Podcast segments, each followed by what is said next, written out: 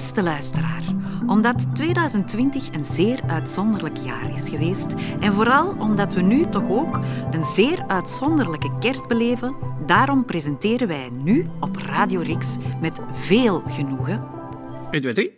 De naam van het rendier. Een kerstverhaal, tot leven gebracht door Don Vitalski.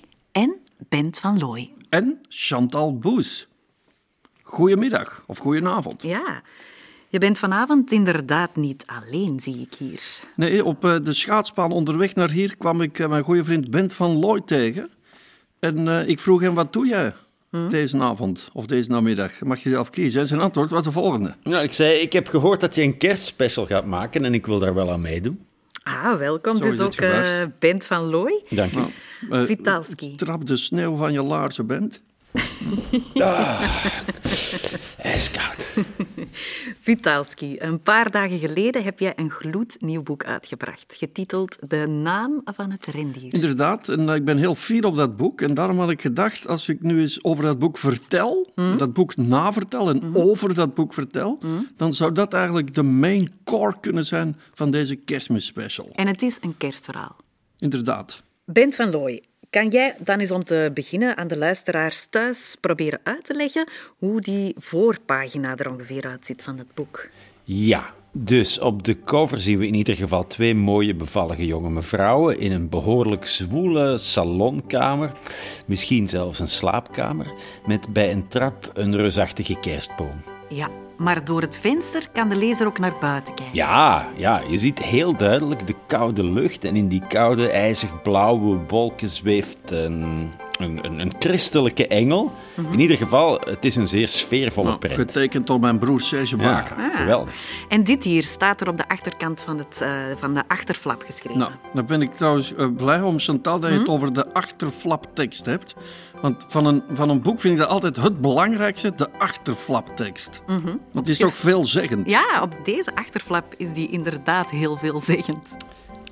Jezus bracht het licht, maar dat kon alleen omdat er overal op aarde duisternis heerste. Een kerstverhaal is daarom vooral een zeer droevig ding.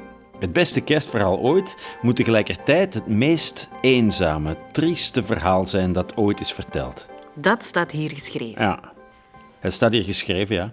Eh, er zit ook wel waarheid in. Ja. Een goed kerstverhaal is immers droevig. Dat is iets waar dat, eh, Bent en ik geregeld over babbelen. Oh ja. ja. Dus eh, Ja. beroemde kerstverhalen zijn, als je daarna gaat, altijd heel erg droevige dingen. Ja, en het tweede beroemdste kerstverhaal Tweede aller tijden, eh, Christmas Carol hè, van, van Dickens, gaat over een ondraaglijk mens. Scrooge, hè, een van de meest eenzame karakters uit de hele wereldliteratuur. En het allerberoemdste kerstverhaal ooit, de nummer één, dat is Het meisje met de Nou ja, zwavelstokjes. dat is eh, van Hans Christian Andersen. Klopt, en dat is een verhaal, eigenlijk zou het verboden moeten zijn, strafbaar, om zo'n erg kerstsprookje te verzinnen. Het meisje met de zwavelstokjes, dat is dus eh, een geschiedenis die zo droevig is, als dat meisje in het verhaal op het einde van het verhaal dus sterft, dan is de luisteraar eigenlijk opgelucht.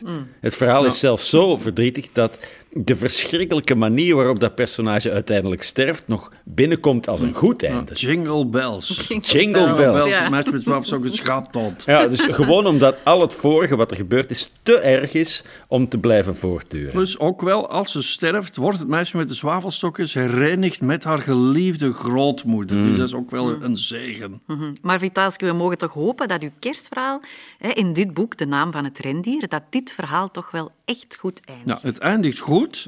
Dus eh, het, het, verhaal is zeer droevig. Het droevigste verhaal ooit verteld, dat was de ambitie. Maar het eindigt eh, goed, omdat ik vind een kerstverhaal dat slecht eindigt...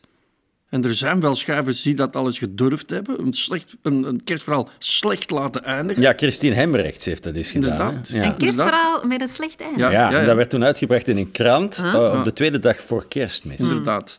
En dat vind ik nog het meest strafbare. hè. Een kerstverhaal dat, dat droevig eindigt tot daar aan toe, maar dat dan publiceren op, op kerstdag zelf. Dus ik vind niet Christine Hemrechts, want dat is een braaf, lieve mevrouw. Maar ik vind die redacteurs die daarvoor verantwoordelijk zijn, hè, die zou ze dus vier, vijf jaar gevangenisstraf mogen geven. Want dat doe je niet met kerstmis. Goed, Waarover gaat de naam van het rendier? Wel, de hoofdrol in deze kerstvertelling is weggelegd voor een figuur. En die naam moet je onthouden, want dat is een hoffiguur. Een zekere Victor Vasteman. Victor Vasteman. Victor Vasteman, de hoofdrol in deze geschiedenis. Ja, die voornaam eh, Victor, eh, als ik Vitalski een beetje ken, is dat dus een verwijzing naar Jezus Ja, Christus. dat klopt. Dus eh, in het 17e eeuwse meesterwerk Paradise Lost van Milton wordt de Messias geregeld Victor genoemd. Victor, de overwinnaar. Maar zijn familienaam, zeg je, is Vasteman. Victor Vasteman. Ja, en dat ruimt niet toevallig op kerstman. Een vasteman is een kerstman, maar dan een kerstman die bezig is met vasten.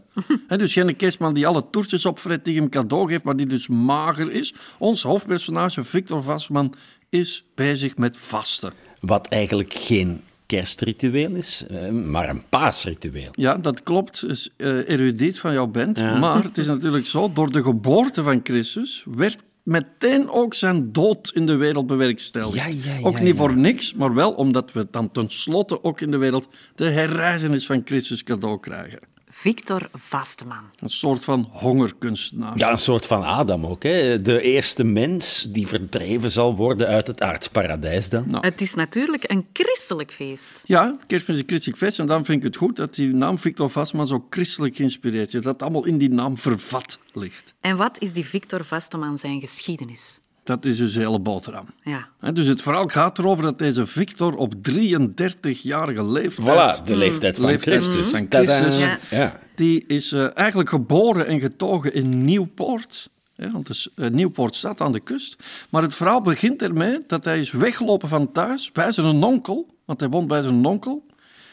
Maar hij neemt in het begin van de kerstvakantie de trein naar Antwerpen-Grad. Om het zo te zeggen. Met de bedoeling... Wel, hij- hij wil hier eigenlijk in de stad een kerstvakantiejob aanvatten. Een kerstvakantiejob. Bestaat er zoiets dan? Eh, ja. Kerstvakantiejob. Wel, hij mag namelijk op het Astridplein bij het Centraal Station voor 100 Belgische frank, want het verhaal speelt zich af in 2020, maar toch betaald met frank. Hij mag op het Astridplein verkleed in een gigantisch rendierenkostuum door de straten en pleinen lopen om reclamefoldertjes uit te delen. Dat is zijn kerstvakantiejob van, staat hier genoteerd, 14 december tot 5 januari. Oké, dus als we het goed begrijpen, dat is zijn vakantiejob. Kerstvakantiejob. Kerstvakantiejob. Verkleed in een reusachtig rendierenpak, reclamefoldertjes uitlopen delen op het Astridplein. Heel goed Oké. samengevat. Nee, Dat lijkt zelfs bijna gemakkelijk verdiend. is eigenlijk gemakkelijk Ja, verdiend in principe. En die Victor Vastman, oorspronkelijk in dit verhaal, is hij ook best wel fier. Want vroeger in Nieuwpoort stelde hij niks voor, die kon niks, die mocht niks, die durfde niks. Maar nu heeft hij toch in ieder geval een inkomen. Maar de zaken lopen mis. De zaken lopen mis wanneer er, terwijl hij die foldertjes voor zijn job staat uit te delen aan alle mensen die passeren, dan ziet hij ineens, en dan lopen verkeerd, ziet hij ineens twee prachtige jonge meisjes voor zijn neus opduiken. Dat zijn zeker die mooie vrouwen van op de voorpagina van het boek. Ja, hoewel dat in het verhaal die meisjes ietsje jonger zijn dan op die voorpagina. Dus mijn broer heeft voorpagina getekend en die heeft in zijn verbeelding die vrouwen vijf jaar ouder gemaakt dan in het boek. Oké, dus we trekken er vijf jaar vanaf. Nou, nu het belangrijkste om te weten, beste luisteraars, beste Chantal, beste bent, is dat die Victor Vasteman, dat hij buitengewoon eenzaam is. Die kent hier in Antwerpen helemaal niemand, die durft ook niemand aan te spreken. Hij zit wel ergens op een hotelkamertje bij het Museum van Schone Kunsten. Dat is hem wel gelukt om daar dan toch een kamertje af te huren. Maar voor de rest, hij spreekt met niemand, hij kent niemand. Hm, dat is eigenlijk misschien een van de allereerste gevallen van spontane social distancing. ja.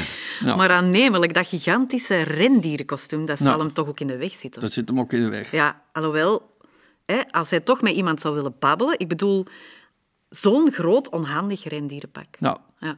Dus eh dat rendierenpak is van een bijzonder onhandig textiel. Dat is een soort synthetisch plush. Met van die geweien van Isimo. En dat draagt hij. Dus zijn gezicht zit constant gekneld in het strothoofd van dat rendier. Om te kijken heeft hij zo één klein pluizig kijkgaartje. En hij kan dus ook niks zeggen. En hij kan niks gezien. Ja. Trouwens moet ik ook zeggen, op de momenten dat hij dat rendierenpak niet aan heeft, is hij dus ook veel te verlegen. Hè, om los te breken uit zijn angsten. En zo leert hij toch die twee meisjes kennen. Ondanks die eenzaamheid. Wel, ik zou zelfs meer zeggen, vanuit die eenzaamheid leert hij die meisjes kennen. Ja, ik heb het boek dus, dus bij mij. En ik zie, dames en heren, dat Victor Vasteman, die durft uh, klaarblijkelijk zelfs niet op restaurant. Ja, dat is een heel hoofdstuk apart. Dus die Victor Vastman is zo eenzaam, Chantal. Die is zo angstig, dat kunnen we ons niet voorstellen. Die is te bang om naar binnen te wandelen in een restaurant. Maar dat is toch niet ondenkbaar? Hè? Ik bedoel, alleen in een café of in een restaurant binnenwandelen. Ja, ik weet niet. Helemaal in uw eentje. Ja, ja, dat is toch... Niet altijd, maar soms kan dat toch wel uh, voor wat schrik zorgen. Ik vind dat niet Heb jij volledig... schrik van alleen ja, ik vind dat niet volledig abstract. Wel, dan kan jij je identificeren met die Victor Vasseman. Ja. Dus die Victor Vasseman die crepeert van de honger en Mhm. toch alsmaar durft hij niet op restaurant gaan. Dus in plaats daarvan loopt hij te aarzelen voor de vitrine van een broodjeszaak. Hij leest wel honderd keer na elkaar de menukaarten die daar uithangen. Hij ziet wel andere mensen daar vrolijk naar binnen stappen. Heel de familie is in vroegtijdige kerststemming. Maar zelf durft hij niet naar binnen. Hij blijft in die ijzige kou buiten op straat. ja, maar op deze bladzijde gaat Victor Vasteman, zie ik, toch wel in een restaurant Ja. binnen. Ja, dat is dus de beruchte restaurantscène, maar die loopt niet goed af. Per ongeluk komt hij zo'n bladzijde 37, zie ik in mijn notities, komt hij naar binnen gewandeld in een belachelijk chic restaurant. Duur restaurant met allemaal heel erg stijve mensen. Zelf loopt hij er natuurlijk helemaal verwaarloosd bij. Zijn kleren gescheurd, zich dagen niet gewassen, zelfs een beetje onwelriekend. En als hij dan al zijn moed bij elkaar scharrelt, dan durft hij zelfs in dat eethuis wildgebraad bestellen met veenbessen en kroketten. Want hij ziet naast hem aan een tafeltje, ah, die mensen eten wildgebraad met veenbessen, ik zal dat dan ook maar bestellen. Super angstig.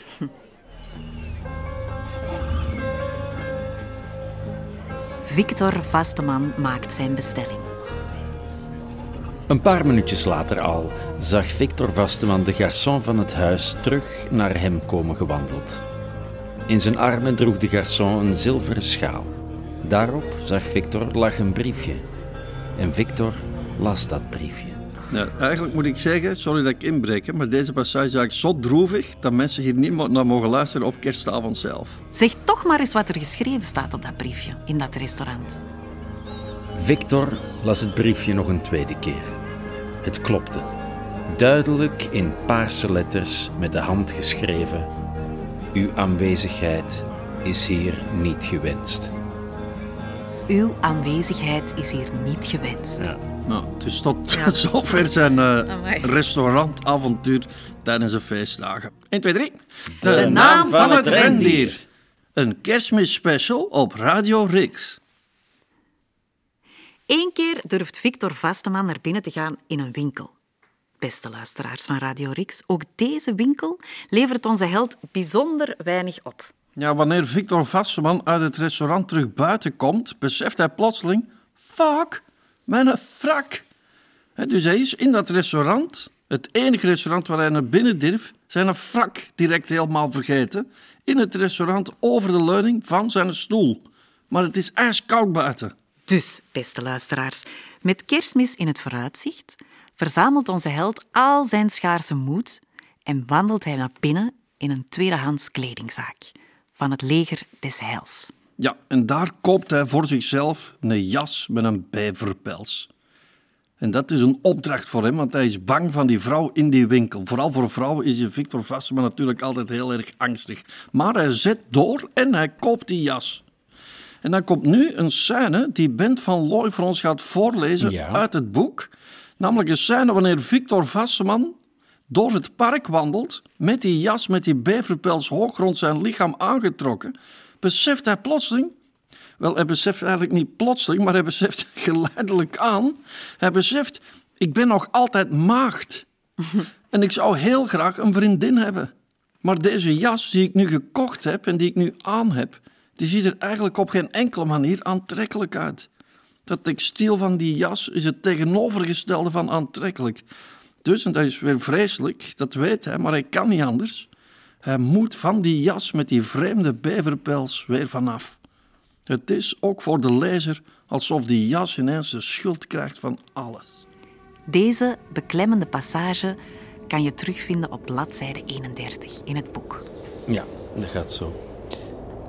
Vanzelf kwam Victor Vasteman weer terecht in het IJzige Park. Hij wandelde voorbij een fietserk, hoewel daar geen enkele fiets geparkeerd was. Al gauw kwam Victor voor een vijver terecht. Hij zette zijn linkervoet op het ijsoppervlak, maar het ijs, nog broos en vochtig, brak onder zijn klamme voedsel meteen tot vele splinters uit elkaar. Vervolgens hurkte Victor Vasteman zich langzaam neer, achter een stel brede knotwilgen aan de rand van de beijzelde oever. Na goed rond zich te hebben gekeken of hij zich wel zeker geheel alleen wist, ontdeed hij zich als het ware plechtig van zijn nieuwe jas, die met de warme beverpels. Hij bewerkstelligde met een grote ronde kassei een waarachtig wak in het ijsoppervlak. Nog twee of drie dagen zoals deze zonder een jas deze kou trotseren, dat zou niemand overleven. Toch drukte Victor de duur gekochte jas het water net zo diep tot hij die jas vanzelf dieper zag wegdrijven en daarna naar de bodem zinken onder zijn bevroren vingertoppen.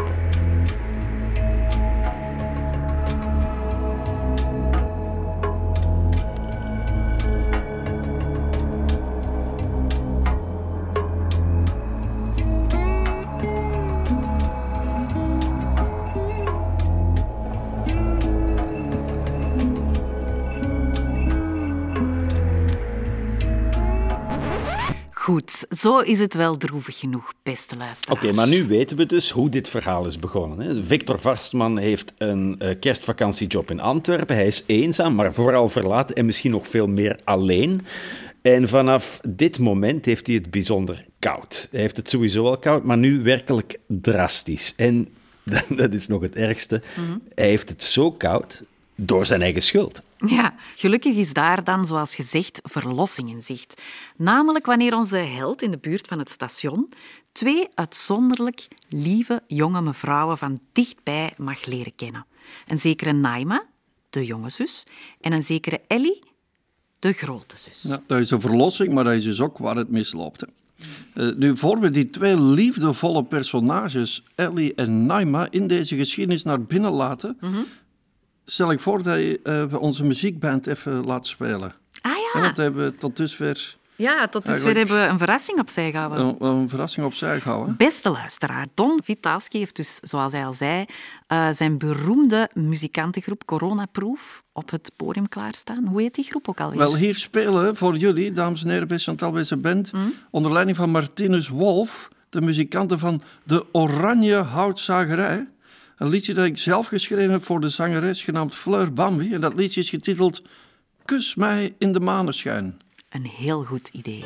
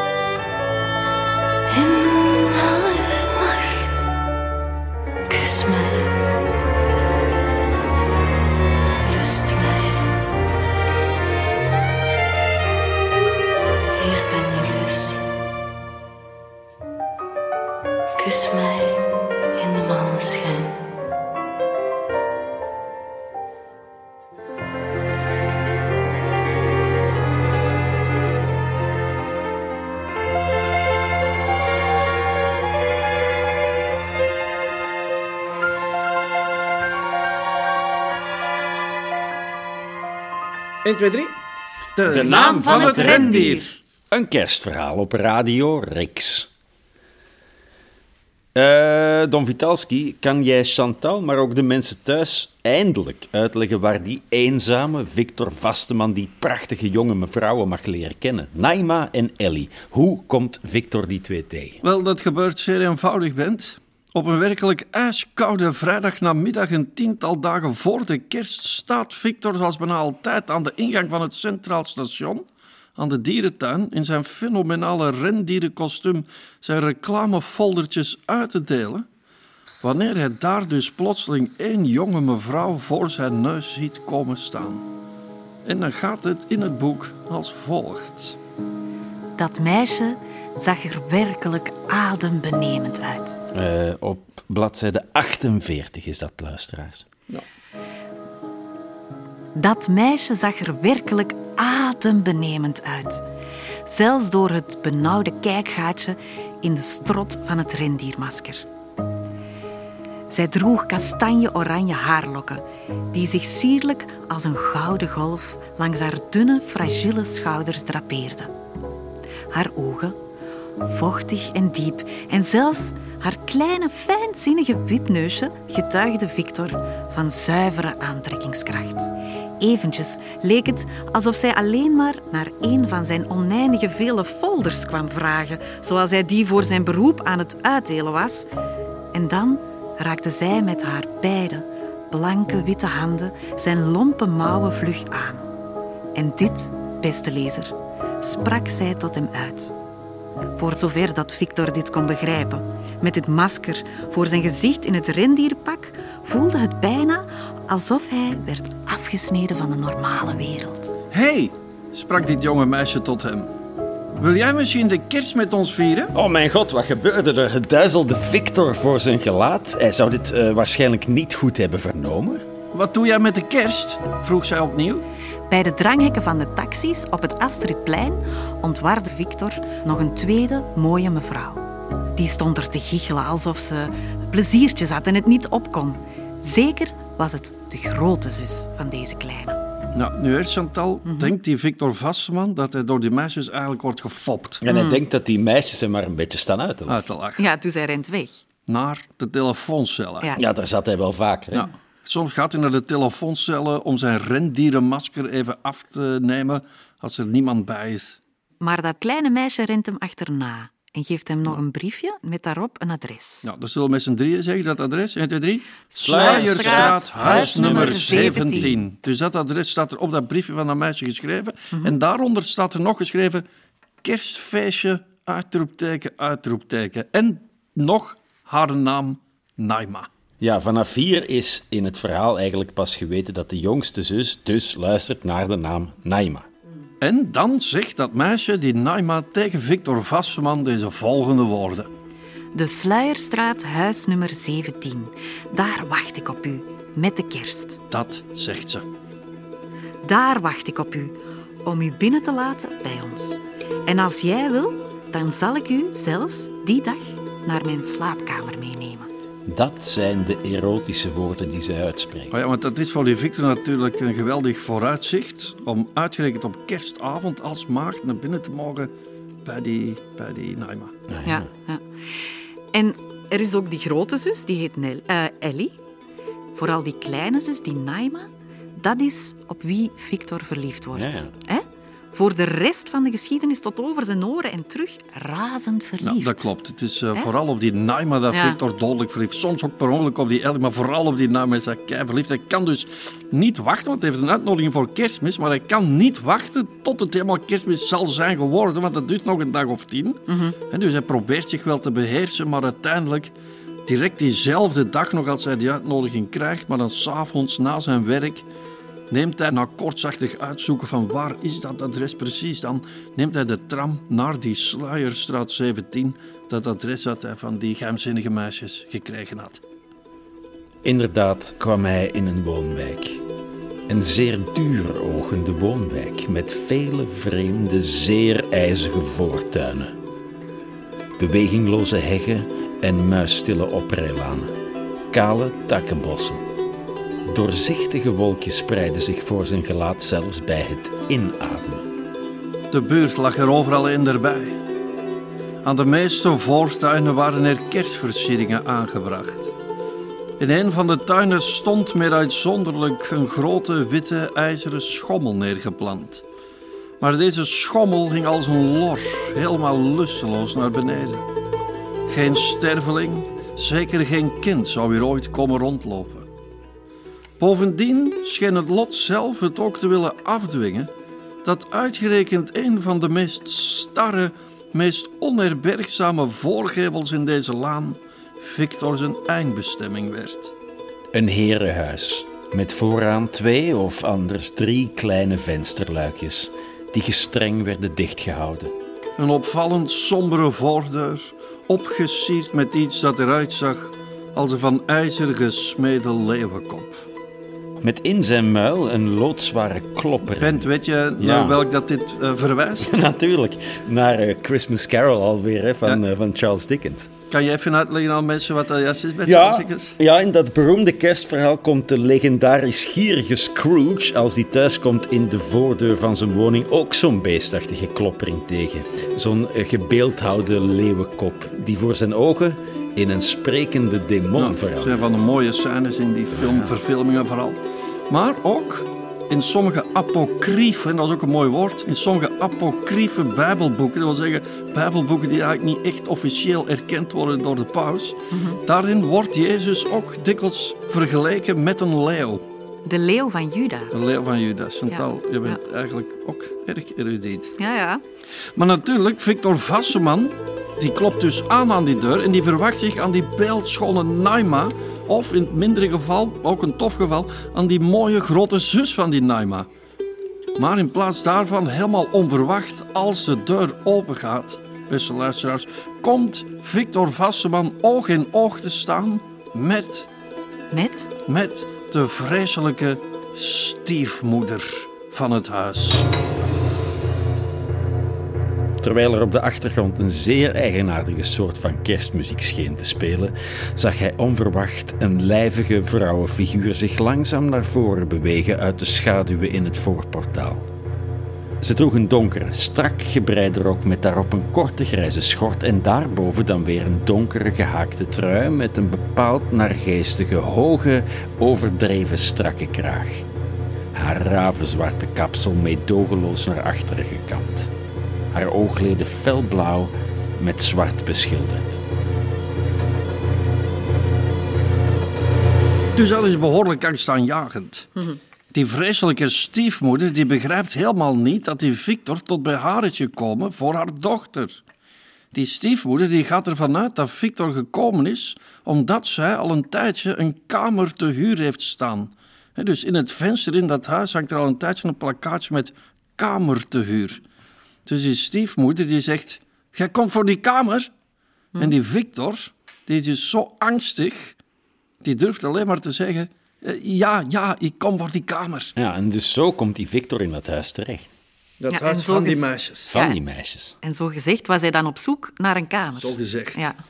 Dus in principe komt hij zo te wonen onder exact hetzelfde dak als die Naima op wie hij verliefd is. Ja. En Meestal zitten die meisjes, Naima en haar zus Ellie, beneden in dat huis, in een soort woonkamer, achter een zeer geheimzinnige schuifdeur. En voor Victor is het daar verboden. Nou, voor Victor zijn toegestane ruimte, dus zijn speelruimte, die beperkt zich tot de eetkamer beneden, een heel kale kamer.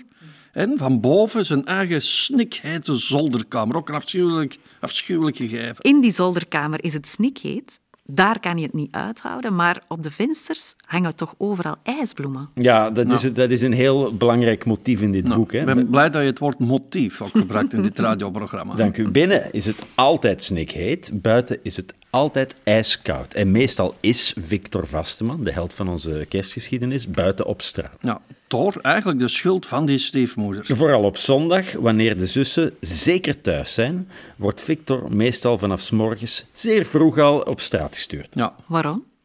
wel, hoe, hoe waarom? Ja, hij betaalt toch zijn huisuur? Ja, hij betaalt wel zijn huishuur, dus in principe in theorie is die kamer van hem. Maar het ding is, die stiefmoeder die is getrouwd. Ja. En die haar man, die woont ergens in Düsseldorf, maar die komt soms terug. En die man ze heel hard voor opletten, want die man heeft het aan die stiefmoeder verboden om die kamer te verhuren aan jongens. Zeker, zegt die Naima op een ogenblik. Zeker is het verboden om die kamer te verhuren aan van die lieve jongens zoals jij. Nou, maar goed, dus eh, ik zeg het, die vader is er dus niet. Nee, die is op dit ogenblik in de hoedanigheid van diplomaat ergens in Düsseldorf. Nou, die zit in Düsseldorf. Maar die kan ieder ogenblik onverwacht kan ieder terugkomen. ogenblik onverwacht terugkomen. Dus door in dat huis te komen wonen, speelt die Victor, wil ik maar zeggen, met vuur. Al hadden die meisjes hem zelf wel uitgenodigd om samen met hun de kerst te komen vieren. Ja, en nu komt er gelukkig een zeer mooie passage. De enige vreugdevolle passage in het midden van deze geschiedenis, vind ik zelf.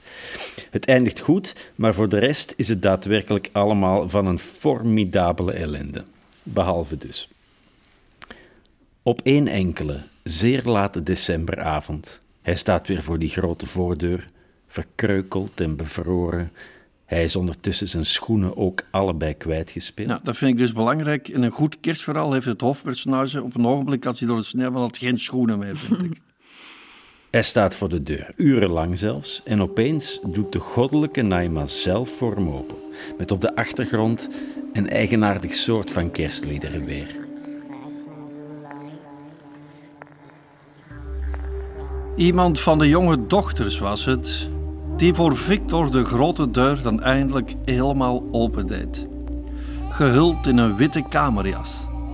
En net zoals zij zelf was zij op haar blote voeten.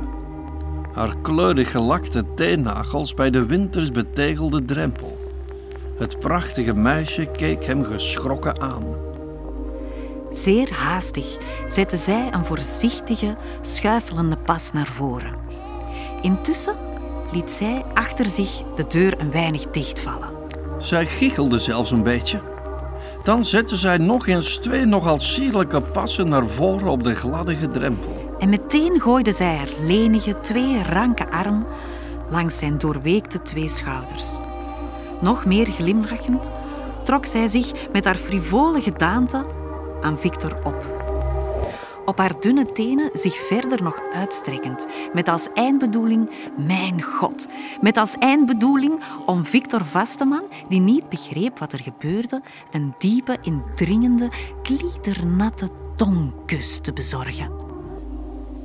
Haar warme, zoete smaak bleef zijn gehele bewustzijn doordrenken als een spons, zo allesomvattend en zo liefdevol. Als een voorimpressie van het altijd schitterende witte licht, van de waterval van warmte, zuivere schoonheid, vrede en muziek. Voor Jezus Christus, die werd geboren op 24 december. Dus zo staan zij elkaar te zoenen op een koude winternacht aan de voordeur van dat huis. Wees geduldig, begon Naima zachtjes te vezelen. Victor wilde wel iets terugzeggen, maar dat lukte niet. Mijn vader in Düsseldorf is vanmiddag helemaal onverwacht toch terug naar huis gekeerd.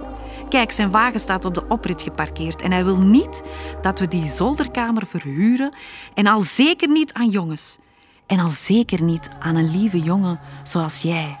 Eindelijk gooide zij de deur voor hem dicht, zonder een vaarwel. Victor draaide zich om en holde uit alle macht die verlaten, bemodderde, maar ook besneeuwde rijlaan af.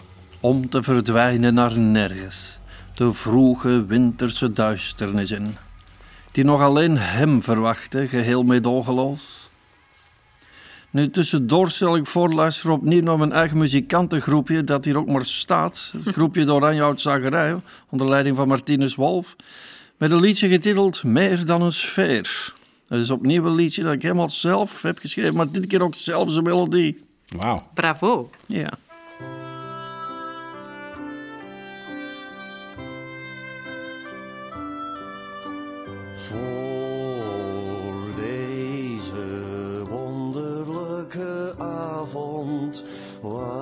Mijn leven erg miserabel.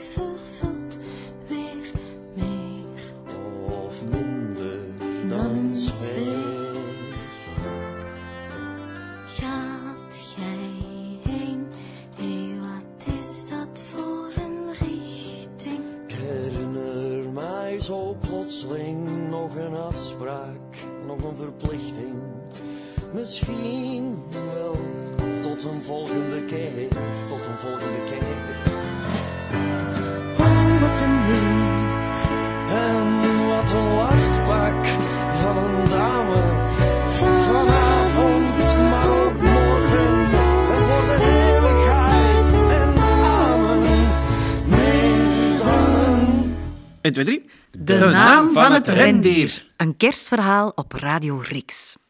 Don Vitalski en Bent van Looy, in het begin hadden jullie de mensen er al voor gewaarschuwd.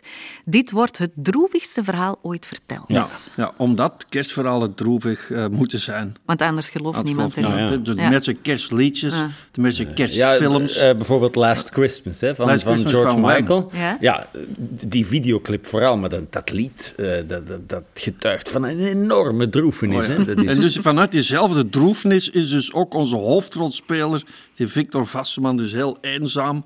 Heeft geen schoenen meer, geen jas niet meer, slaapt in de sneeuw op een bank in het park. Komt alsmaar vaker te laat op zijn werk. En toch, net zoals iedereen, ervaart ook die Victor Vasteman de feestdagen van het jaar 2020 tegelijkertijd ergens diep in zijn hart als de meest indringende feestdagen die hij ooit heeft mogen beleven. Nou, hij is nog nooit zo eenzaam geweest en toch is hij nog nooit zo onderhevig geweest aan wat we noemen het hè, kerstgevoel. Ja.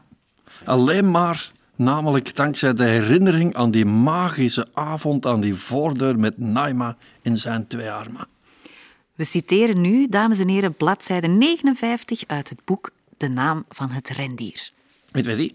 De, De naam van het rendier. Een kerstverhaal op Radio Rix. Onafgebroken moest Victor Vasteman blijven terugdenken aan dat enkelvoudige moment dat veel te vlug voorbijging, met in zijn armen de zo engelachtige verschijning van de jonge dochter Naima.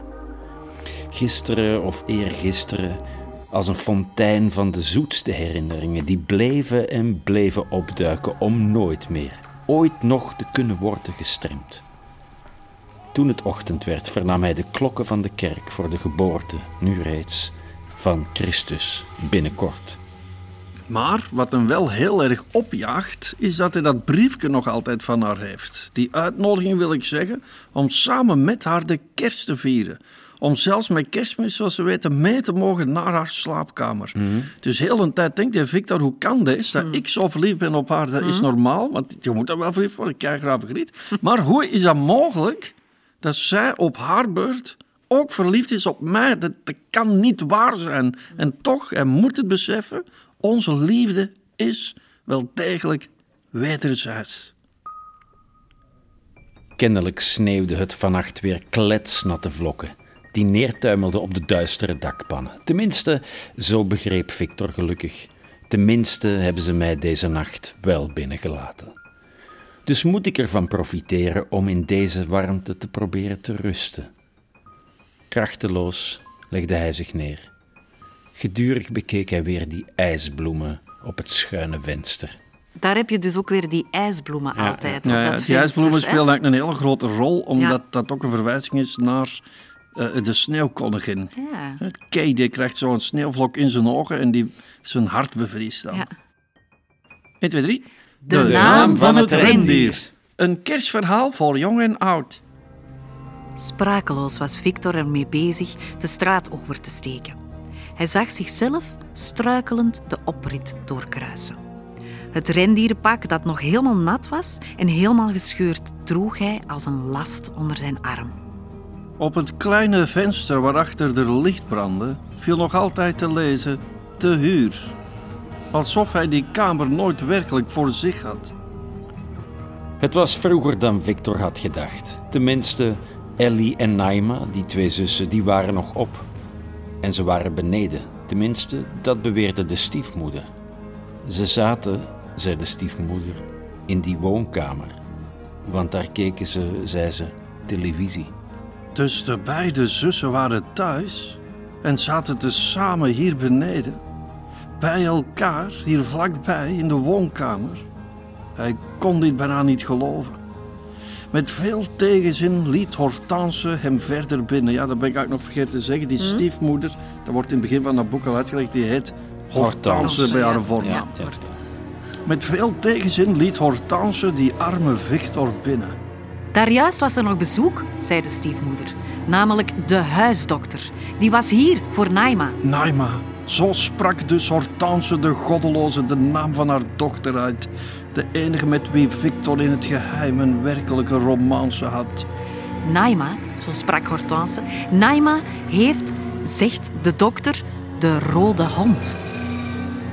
In de felverlichte, goed warm gestookte eetkamer bij de centrale verwarming kreeg hij een handdoek aangereikt. Geen badhanddoek, maar wel een slordig vaatdoek. Net zo goed, dit speelde geen rol. Victor kon zich wel op zijn beide knieën laten neerzinken van dankbaarheid. Hij had zich nooit eerder in zijn leven zo dodelijk verkleumd geweten. Hij voelde zijn eigen ledematen niet meer. U kunt onmogelijk hier beneden blijven. Ik wil nooit dat mijn dochters met onze huurders in aanraking komen. En vanavond al zeker niet, omdat Naima zo dodelijk ziek is. Ja, en dan komt het enige moment in het verhaal van volstrekte trance. Een gewaarwording die in onverwachte gelukzaligheid nog verder uitreikt dan die mierzoete herinneringen aan twee dagen eerder, die allereerste keer met die kleine Naima in zijn armen. Voor de enige keer ooit mag Victor nu naar binnen in die woonkamer achter die schuifdeur. Hortense verwees hem naar de glazen tussendeur. Vlug! Ja, klaarblijkelijk was het hem toegestaan de handdoek mee naar boven te nemen. Laat dat pak van dat rendier maar beneden. Opnieuw verwees ze Victor naar die geruisloze glazen tussendeur, die wereldvermaarde schuifdeur. Tot dusver was Victor nooit daar langs gekund. Angstig duwde Victor de deuren weinig open. Hij stapte naar binnen in de woonkamer, waar de televisie speelde. En waar de beide dochters onbewogen neerzittend hem spraakloos volgden voorbijstaan. Ellie bevond zich kennelijk in een diepe, rode zetel. Haar blote voeten onder haar kont geplooid. Ook verder weinig kleren aan hebbend. Wel misschien droeg zij een korte minirok en daarop een witte wollen trui die losjes haar schouders blootliet. En zij glimlachte. Maar glimlachte zij naar Victor met haar blanke gezicht. Vanzelf ging Victor uit dit zeer zachtjes gloeiende vertrek terug naar buiten. Zo vlug weer. Op Naima waren ze nog niet gevallen, begreep hij met veel spijt. Precies terwijl er achter zijn rug van de televisie een indringende vioolmuziek begon te spelen.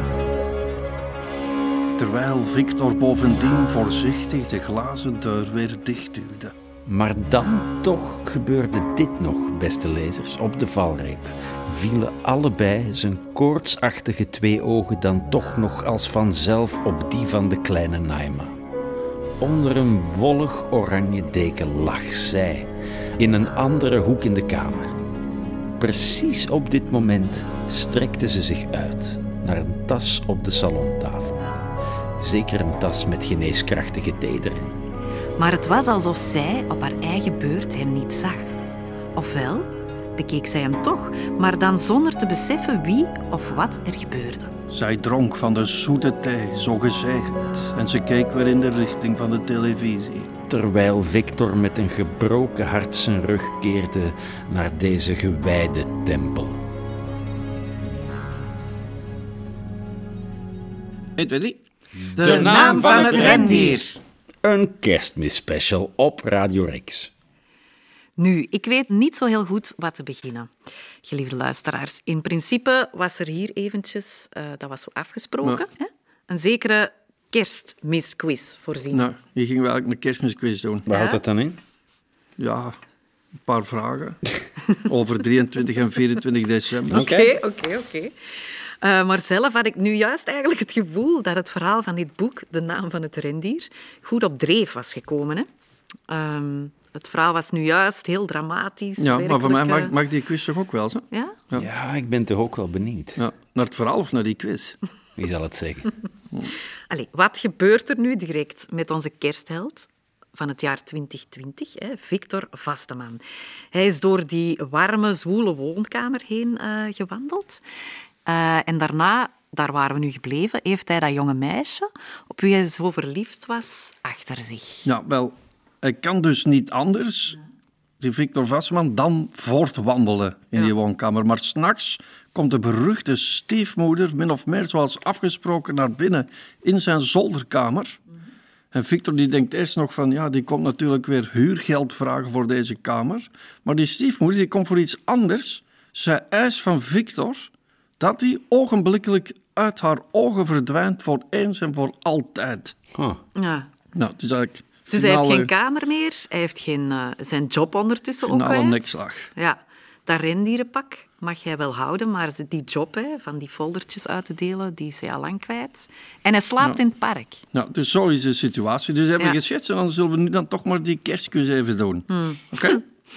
Dus het is eigenlijk eenvoudig. Eh, ik heb drie kerstvragen voorbereid. Ja. En die Ja. vragen zijn voor Bent en voor Chantal. Oké. Oké. Is iedereen er klaar voor? Ja. Eh, terwijl schenken we thee in. En eten we, wat hebben we hier, wildgebraad. Ah ja. Vraag 1.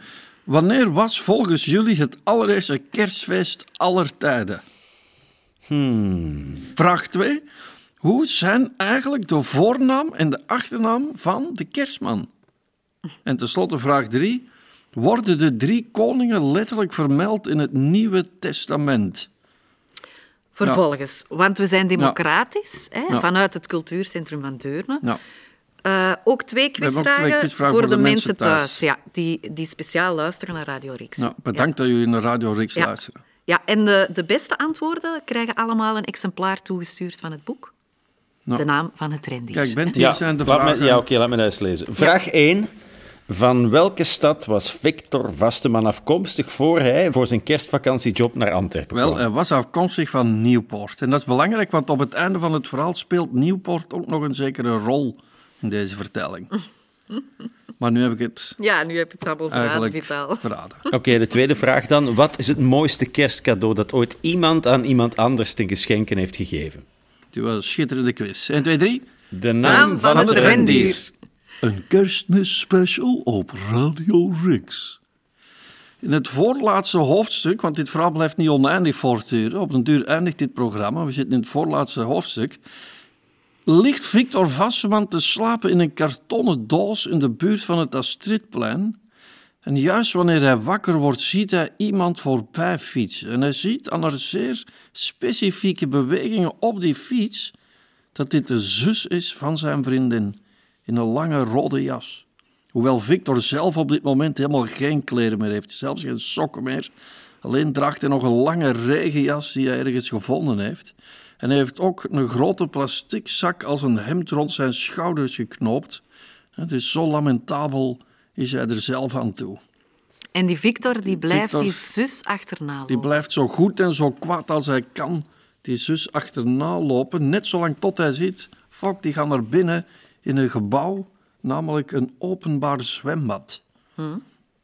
Dus eh, Victor Vasseman verstopt zich achter een soort reclamebord en daar blijft hij oneindig lang op haar staan wachten. Nee, ik zeg het eigenlijk verkeerd. Ja, je, zegt het, je vertelt het niet op ver- haar staan Nee, nee, je vertelt het verkeerd, Witalski. Op de lange duur, naar heel erg lang wachten in die vrieskou, gaat onze held haar toch wel verder achterna. En hij gaat dat zwembad naar binnen. Een paar mensen met kleerhaken op de arm keken verbaasd naar Victor om. Het kan me niet schelen, dacht Victor vastberaden. Dit was, begreep hij, zijn allerlaatste kans om tenminste die zus weer te zien. Ellie, die in een vorig leven, naar ze hem nog wel eens zei, Christus zijn voeten had gewassen. Hij repte zich door een rumoerige wandelgang naar binnen, in de dampende wolkjes tussen de kleedhokjes. Verscheidene prachtige jonge meisjes, bijna allen in een rood badpak, wandelden voorbij, zonder Victor op te merken. Totdat vlak voor zijn neus één deurtje openging en meteen de goddelijke Ellie geheel elektrisch voor zijn neus kwam staan. Haar gelaat met een witte badmuts omhuld. Voor zover dit mogelijk was, scheen zij tenminste zo erg de kluts kwijt als Victor zelf. Haar schouders smetteloos, als van marsepein. Haar twee ogen diep als het diepste blauwe zeewater. Haar boezem drukte opvallend vol rond deze keer, volmaakt in het rekkende textiel van haar adembenemend prachtige, zeer wulpse zwemkledij. Zo indringend dat Victor alleen maar wat stond te zwijmelen, zonder veel meer. Hij wilde zich eigenlijk op de vloer kunnen neerwerpen, om haar dan bij haar glimmende twee voeten beet te grijpen met zijn gezicht. Om verder in der enkels te mogen doorbijten. Net zolang tot integraal zijn lichaam en zijn ziel zou zijn opgelost in vlokken, om één te mogen worden met deze warme lucht. Er nooit meer te zijn. Niet hier, maar nergens nog. Dat was wat Victor begeerde. Wat doe je hier? Dit zijn de vrouwenkleedhokjes. Ik begrijp het. Het spijt me. Vooruit, verdwijn voor het te laat is, verdwijn voor altijd. Ellie, Zeg het. wanneer is het mij gegeven om Naima terug te zien? Al dus durfde Victor Vasteman haar eindelijk deze dringende vraag voor te leggen. Ongelukkige. Gilde de zus. Wanneer? Victor, zo stotterde zij geschrokken. We- Weet, weet je het dan niet? Weet je het dan echt niet? Wat weet ik niet. Weet je van niks? Ik weet van niks. Wat is er gaande? Wat bedoel je? Zij schudde het hoofd op zo'n manier dat Victor het al begreep voordat zij sprak. Dat, dat Naima is gestorven. Drie dagen geleden al.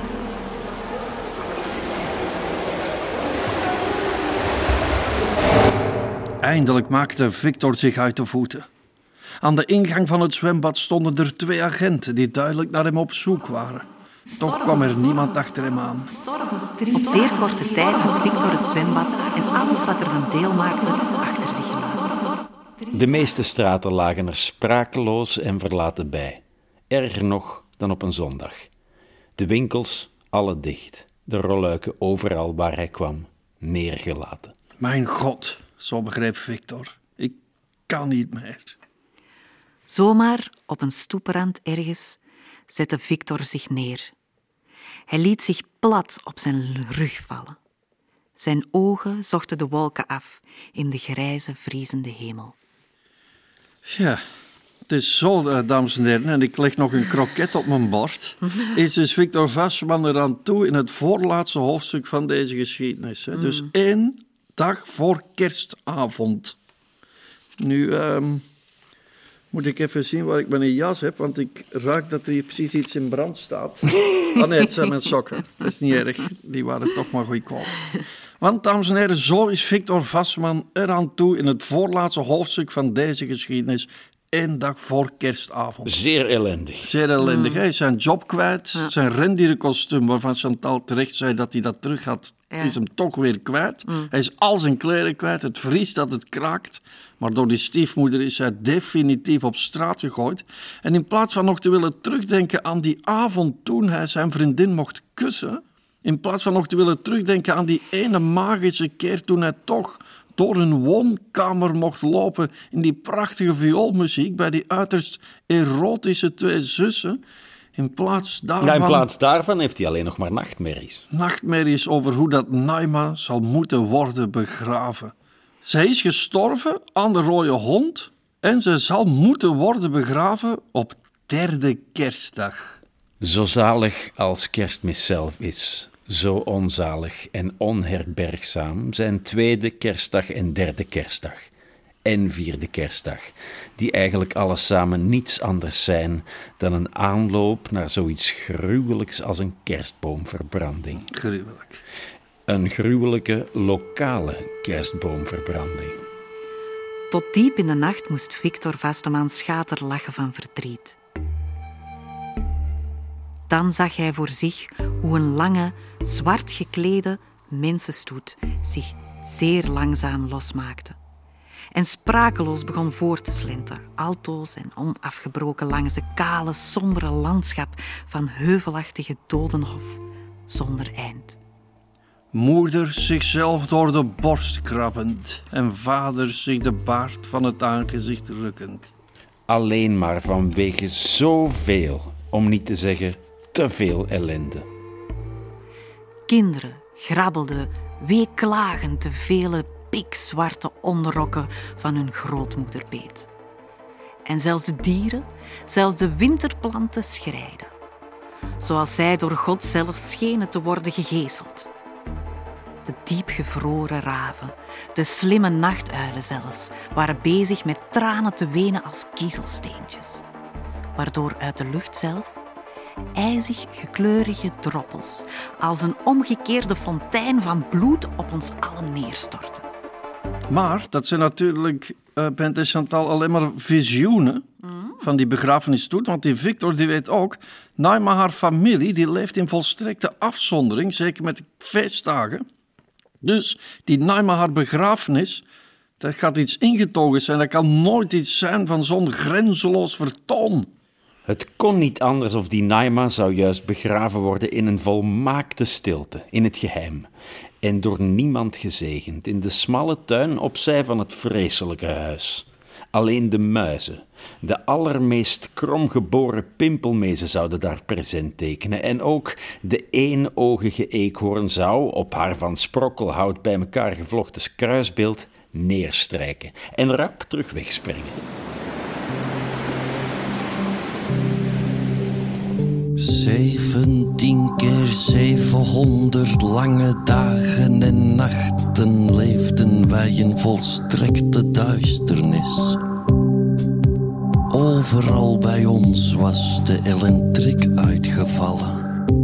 We liepen in te korte truitjes door een hagelbui van glasvezel, omdat wij geen geld hadden om laarzen te kopen.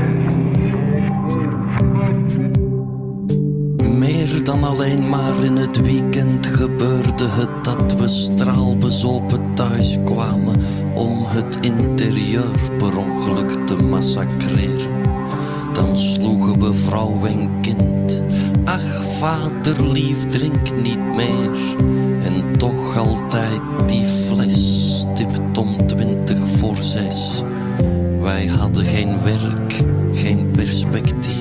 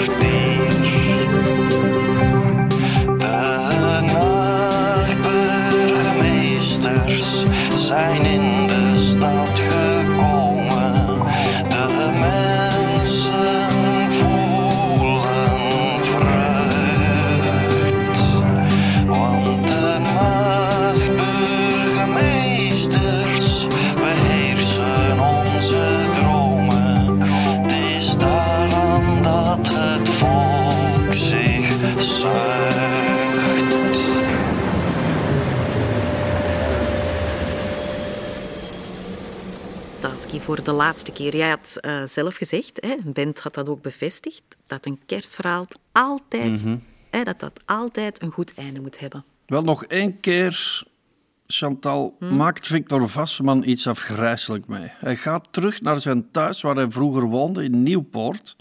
Dus als lezer denk je, oké, hij was maar naar Antwerpen gekomen voor die kerstvakantiejob, na die vakantie, want dat is allemaal ellendig, kan die braaf terug naar huis voor een beter leven. Maar dan gebeurt dus op de valreep nog het ergste, wanneer voor de lezer duidelijk wordt, er is in Nieuwpoort geen thuis. Hij komt bij zijn onkel op kerstavond, maar die onkel van hem, kan je dus nalezen in dat boek, die woont in een soort ijskoude paardenstalachtige plek, in de pikken donker. En dan komt waarschijnlijk de gruwelijkste, ergste zin uit heel deze geschiedenis. Binnen was het nog kouder dan buiten. Ja, Ja, voilà. dat Dat, is de ergste zin van het deze boek. hè? Omdat tot dan die vertelling zijn dynamiek vond in een permanente tegenstelling tussen warm en koud. Koud in de straten, koud op het Astridplein, koud bij die bevroren vijver in dat verlaten park tussen die knotwilgen. Maar lekker warm in die camionet Ja. van zijn Ja, werkgever. en heel warm in die woonkamer bij Naima thuis. En zelfs eigenlijk heel warm in dat zwembad. zwembad waar dat die zus van Naima in een badpak naar hem komt gewandeld. En ook, behalve warm en koud, heb je in dit boek heel de tijd een dynamiek in het verschil tussen binnen en buiten. Hè, Binnen was het leven meestal ook wel hard voor Victor Vasseman, maar van buitenaf gezien was het binnen toch altijd een soort van aardsparadijs. De belofte die eigenlijk alleen maar een kwestie is van binnen mogen. Hè, Als, je- vanaf dat je binnen zal mogen, zal er de komst zijn van een grote verlossing. Maar nu krijgen we dus ineens te lezen, zoals Chantal net voorlas, binnen was het nog kouder dan buiten. Dus hij is de duisternis binnenste buiten gekeerd. Dat is het dieptepunt. Eenmaal daar voorbij komt die verlossing waar iedereen zo naar snakt in zicht. En die verlossing die komt op een manier die voor gewone mensen zoals jij en ik eigenlijk onbevattelijk is.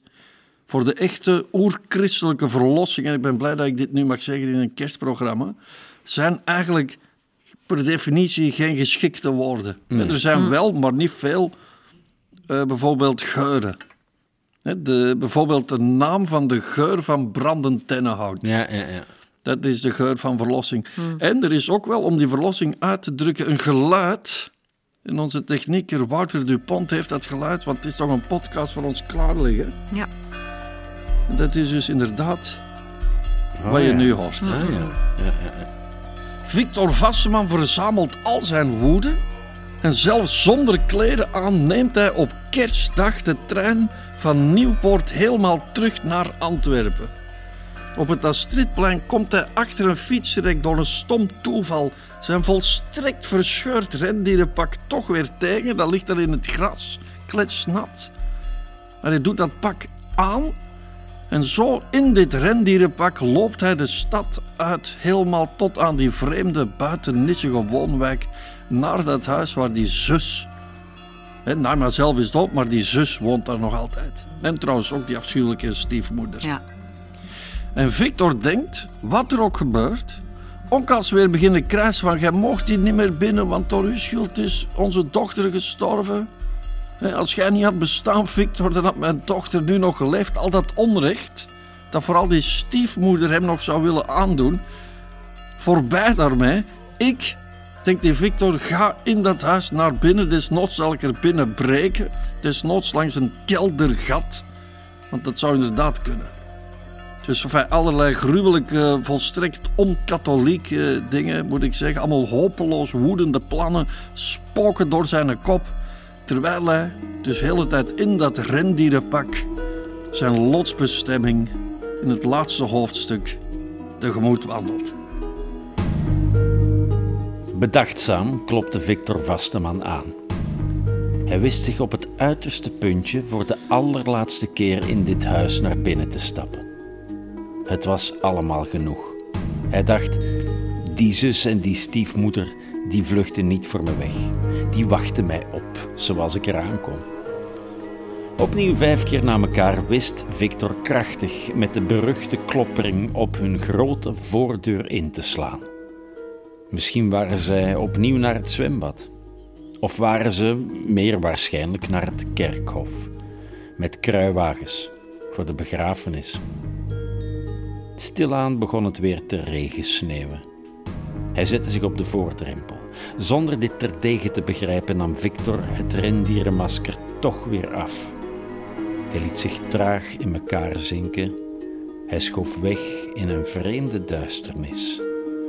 Van overal een vreemde, stille muziek.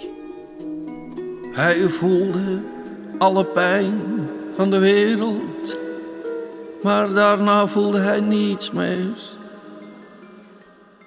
Toen Victor Vasteman weer wakker werd gemaakt, bevond hij zich in het midden van een prachtige, goed warm gestookte woonkamer. Met gouden gordijnen. Het was de woonkamer van de mooie Naima. De kachel was vlak voor zijn voeten als ingetogen vuurwerk. Ook brandden er vele kaarsen die flakkerden voor de komst van de Messias. Mijn stiefmoeder, zei Ellie tegen Victor, is met kerstavond naar Duitsland vertrokken. Naar de oude voorstad van Düsseldorf. Waarom dan? sprak Victor slap. Mijn vader en mijn stiefmoeder willen daar gaan wonen. Ze komen allebei nooit meer terug. Het viel Victor op dat iedereen rond hem aan het feestvieren was. En de stiefmoeder zag hij inderdaad gelukkig nergens. Twee aantrekkelijke, om niet te zeggen ravissante mevrouwen, niet verkleed als kerstman, maar als de kerstvrouw allebei, bevonden zich bij de gekende buffetpiano en waren een kerstlied aan het zingen. Stille nacht, heilige nacht, David zong, lang verwacht, die miljoenen eens heilige zal. Vele kinderen wisten zich rond hen. En er was een schouw met vele lange kousen daaraan. En in iedere kous, zag Victor, waren cadeautjes aangebracht. Zelfs als je in dat pak voor rendier speelt, vind ik toch dat je nog een naam moet hebben. Daar ben ik eens benieuwd naar. Wat volgens jou de naam is van het rendier. Dit zeggende kwam zij vlak bij hem te zitten en gaf hem een kus op zijn voorhoofd.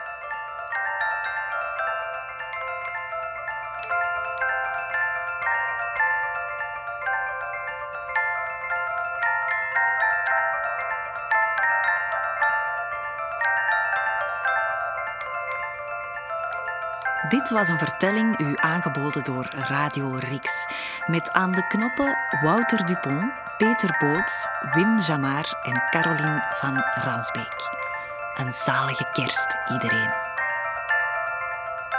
Oké, 1, 2, 3. De, naam van het rendier. Een kerstbesmerker. Goed, hè? Je bent Uit mijn mond.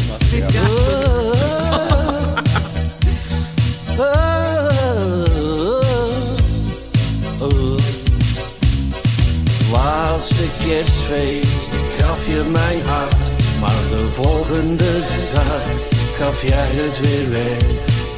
Dit jaar, om mijzelf te beschermen, geef ik het aan iemand speciaal. Laatste kerstfeest, ik gaf je mijn hart, maar de volgende dag gaf jij het weer weg. Dit jaar, om mijzelf te beschermen, geef ik het aan iemand speciaal.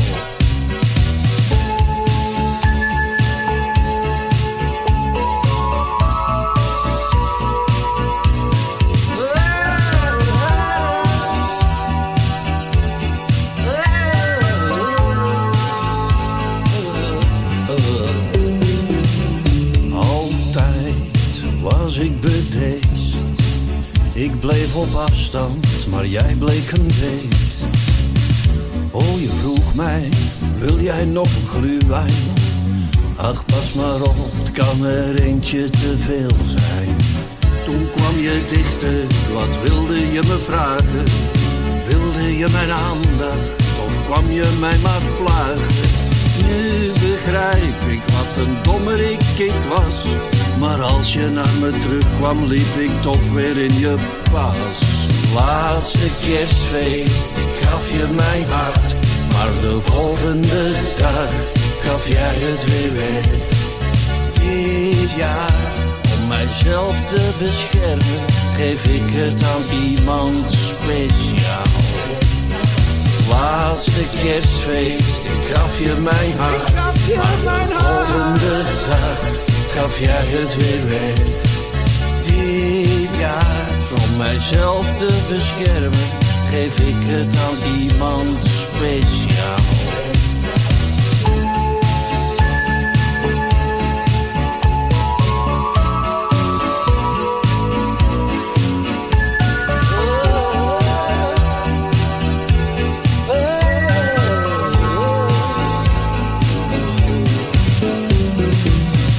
Rond middernacht was je nog daar. Al onze vrienden intussen een paar. Jij en ik, wij bleven achter. Wie zag mij, wie wou mij, wie weende er, wie lachte er. Wil jij kalkoen met kroketten of met friet? Dat kwam jij me vragen, maar je deed mij verdriet. Nu begrijp ik wat een dommerik ik was. Maar als je naar me terugkwam, liep ik toch weer in je pas. Laatste kerstfeest, ik gaf je mijn hart. Maar de volgende dag gaf jij het weer weg. Dit jaar, om mijzelf te beschermen, geef ik het aan iemand speciaal. Laatste kerstfeest, ik gaf je mijn hart. Maar de volgende dag gaf jij het weer jaar, om mijzelf te beschermen, geef ik het aan iemand speciaal. Laatste kerstfeest, ik gaf je mijn hart. Maar de volgende dag gaf jij het weer.